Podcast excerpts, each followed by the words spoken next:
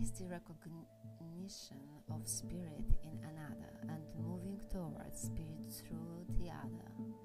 It is when the divine appears to us in the form of our child, our partner, our friend, and we experience being in love. As we grow, we start to recognize the beloved in everyone, not confusing their personality with their divine nature. Invitation. Accept the invitation to learn through the path of love. Expand your being through union with another. When you recognize the beloved in another, you call forth their highest and purest nature.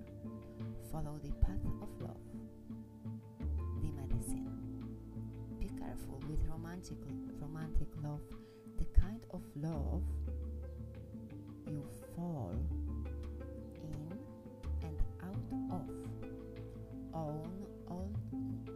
projection you have placed upon the person you are dreaming of.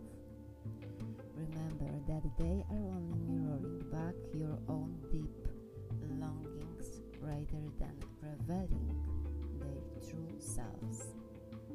If you fall, fall to notice this, be prepared to walk through the fire of strong.